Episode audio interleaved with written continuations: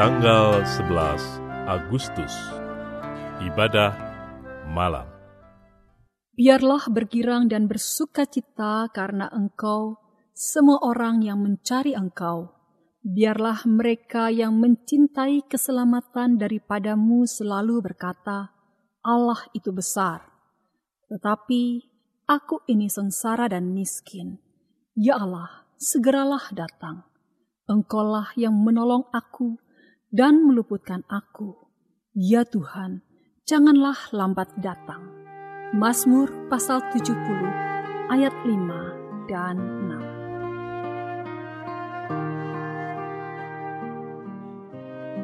Mari meneduhkan, menenangkan, dan memusatkan hati kepada Tuhan. Saat hening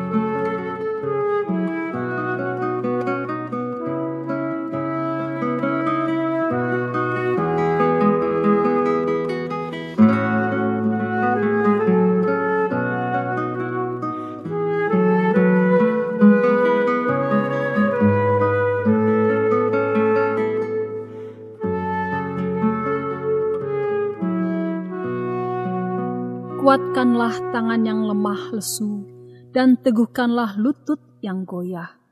Katakanlah kepada orang-orang yang tawar hati, kuatkanlah hati, janganlah takut. Lihatlah, Allahmu akan datang dengan pembalasan dan dengan ganjaran Allah. Ia sendiri datang menyelamatkan kamu. Yesaya pasal 35 ayat 3 dan 4.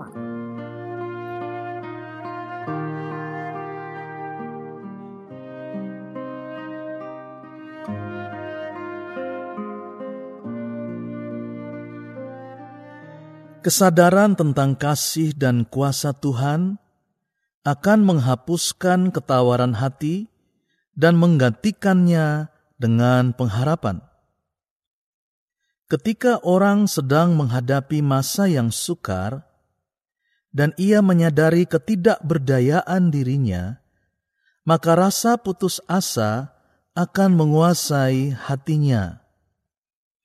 Namun, Apabila yang bersangkutan percaya bahwa ia tidak berjalan seorang diri karena Tuhan menyertai dirinya, maka rasa takut itu akan segera sirna.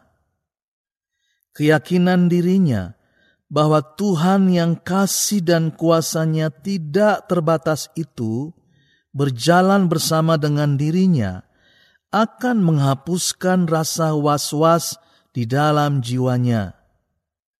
Hatinya akan penuh dengan damai, dan ia akan memandang masa depan dengan penuh pengharapan. Nasihat tentang bagaimana mengatasi rasa tawar hati tersebut diutarakan Allah di dalam Yesaya pasal 35. Kepada bangsa Yehuda yang sedang berputus asa karena beratnya keadaan yang mereka hadapi di dalam pembuangan di Babel, jauh-jauh hari Allah melalui Nabi Yesaya sudah berkata, Kuatkanlah hati, janganlah takut. Ia juga berkata agar umatnya itu melihat kepada dirinya yang akan menyelamatkan mereka. Artinya, ia mengajak umatnya untuk menyadari tentang betapa besar kasih dan kuasanya sebagaimana yang nampak dalam pembelaannya terhadap umatnya. Kesadaran ini akan menghapuskan rasa tawar di hati mereka dan menggantinya dengan pengharapan akan masa depan.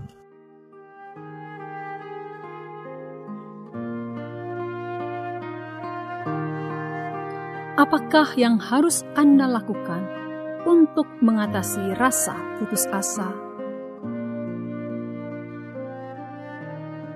Mengapa demikian?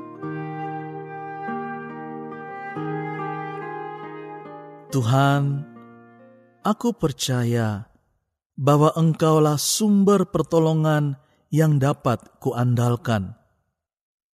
Apabila aku membandingkan besarnya kesulitan yang kuhadapi dengan kemampuanku yang terbatas, maka rasa khawatir akan menguasai hatiku. Namun, bila aku melihat kepadamu dan memandang besarnya kasih dan kuasamu, maka pengharapan akan memenuhi hatiku. Rasa bimbang dan tawar hati akan sirna dari dalam diriku. Sebaliknya iman, sukacita, dan damai sejahtera akan memenuhi jiwaku. Aku bersyukur kepadamu ya Tuhan, untuk penyertaanmu yang telah kualami pada hari ini. Engkau telah menuntun diriku agar mampu menjalani hidupku sebagai kehidupan yang penuh dengan makna hikmatmu menolong diriku sehingga mampu membuat keputusan-keputusan yang tepat dan yang berkenan kepadamu. Penyertaanmu melalui roh kudus memampukan diriku untuk menjalani hidup ini di dalam damai sejahtera dan berkat yang berkelimpahan. Aku menyerahkan hari-hari yang ada di hadapanku ke dalam tangan anugerahmu. Aku percaya Engkau menyediakan hari depan yang indah bagi hidupku. Di dalam nama Yesus Kristus, Tuhan dan penolongku, aku berdoa. Amin. Berdoalah untuk orang-orang yang sedang memerlukan dukungan doa Anda.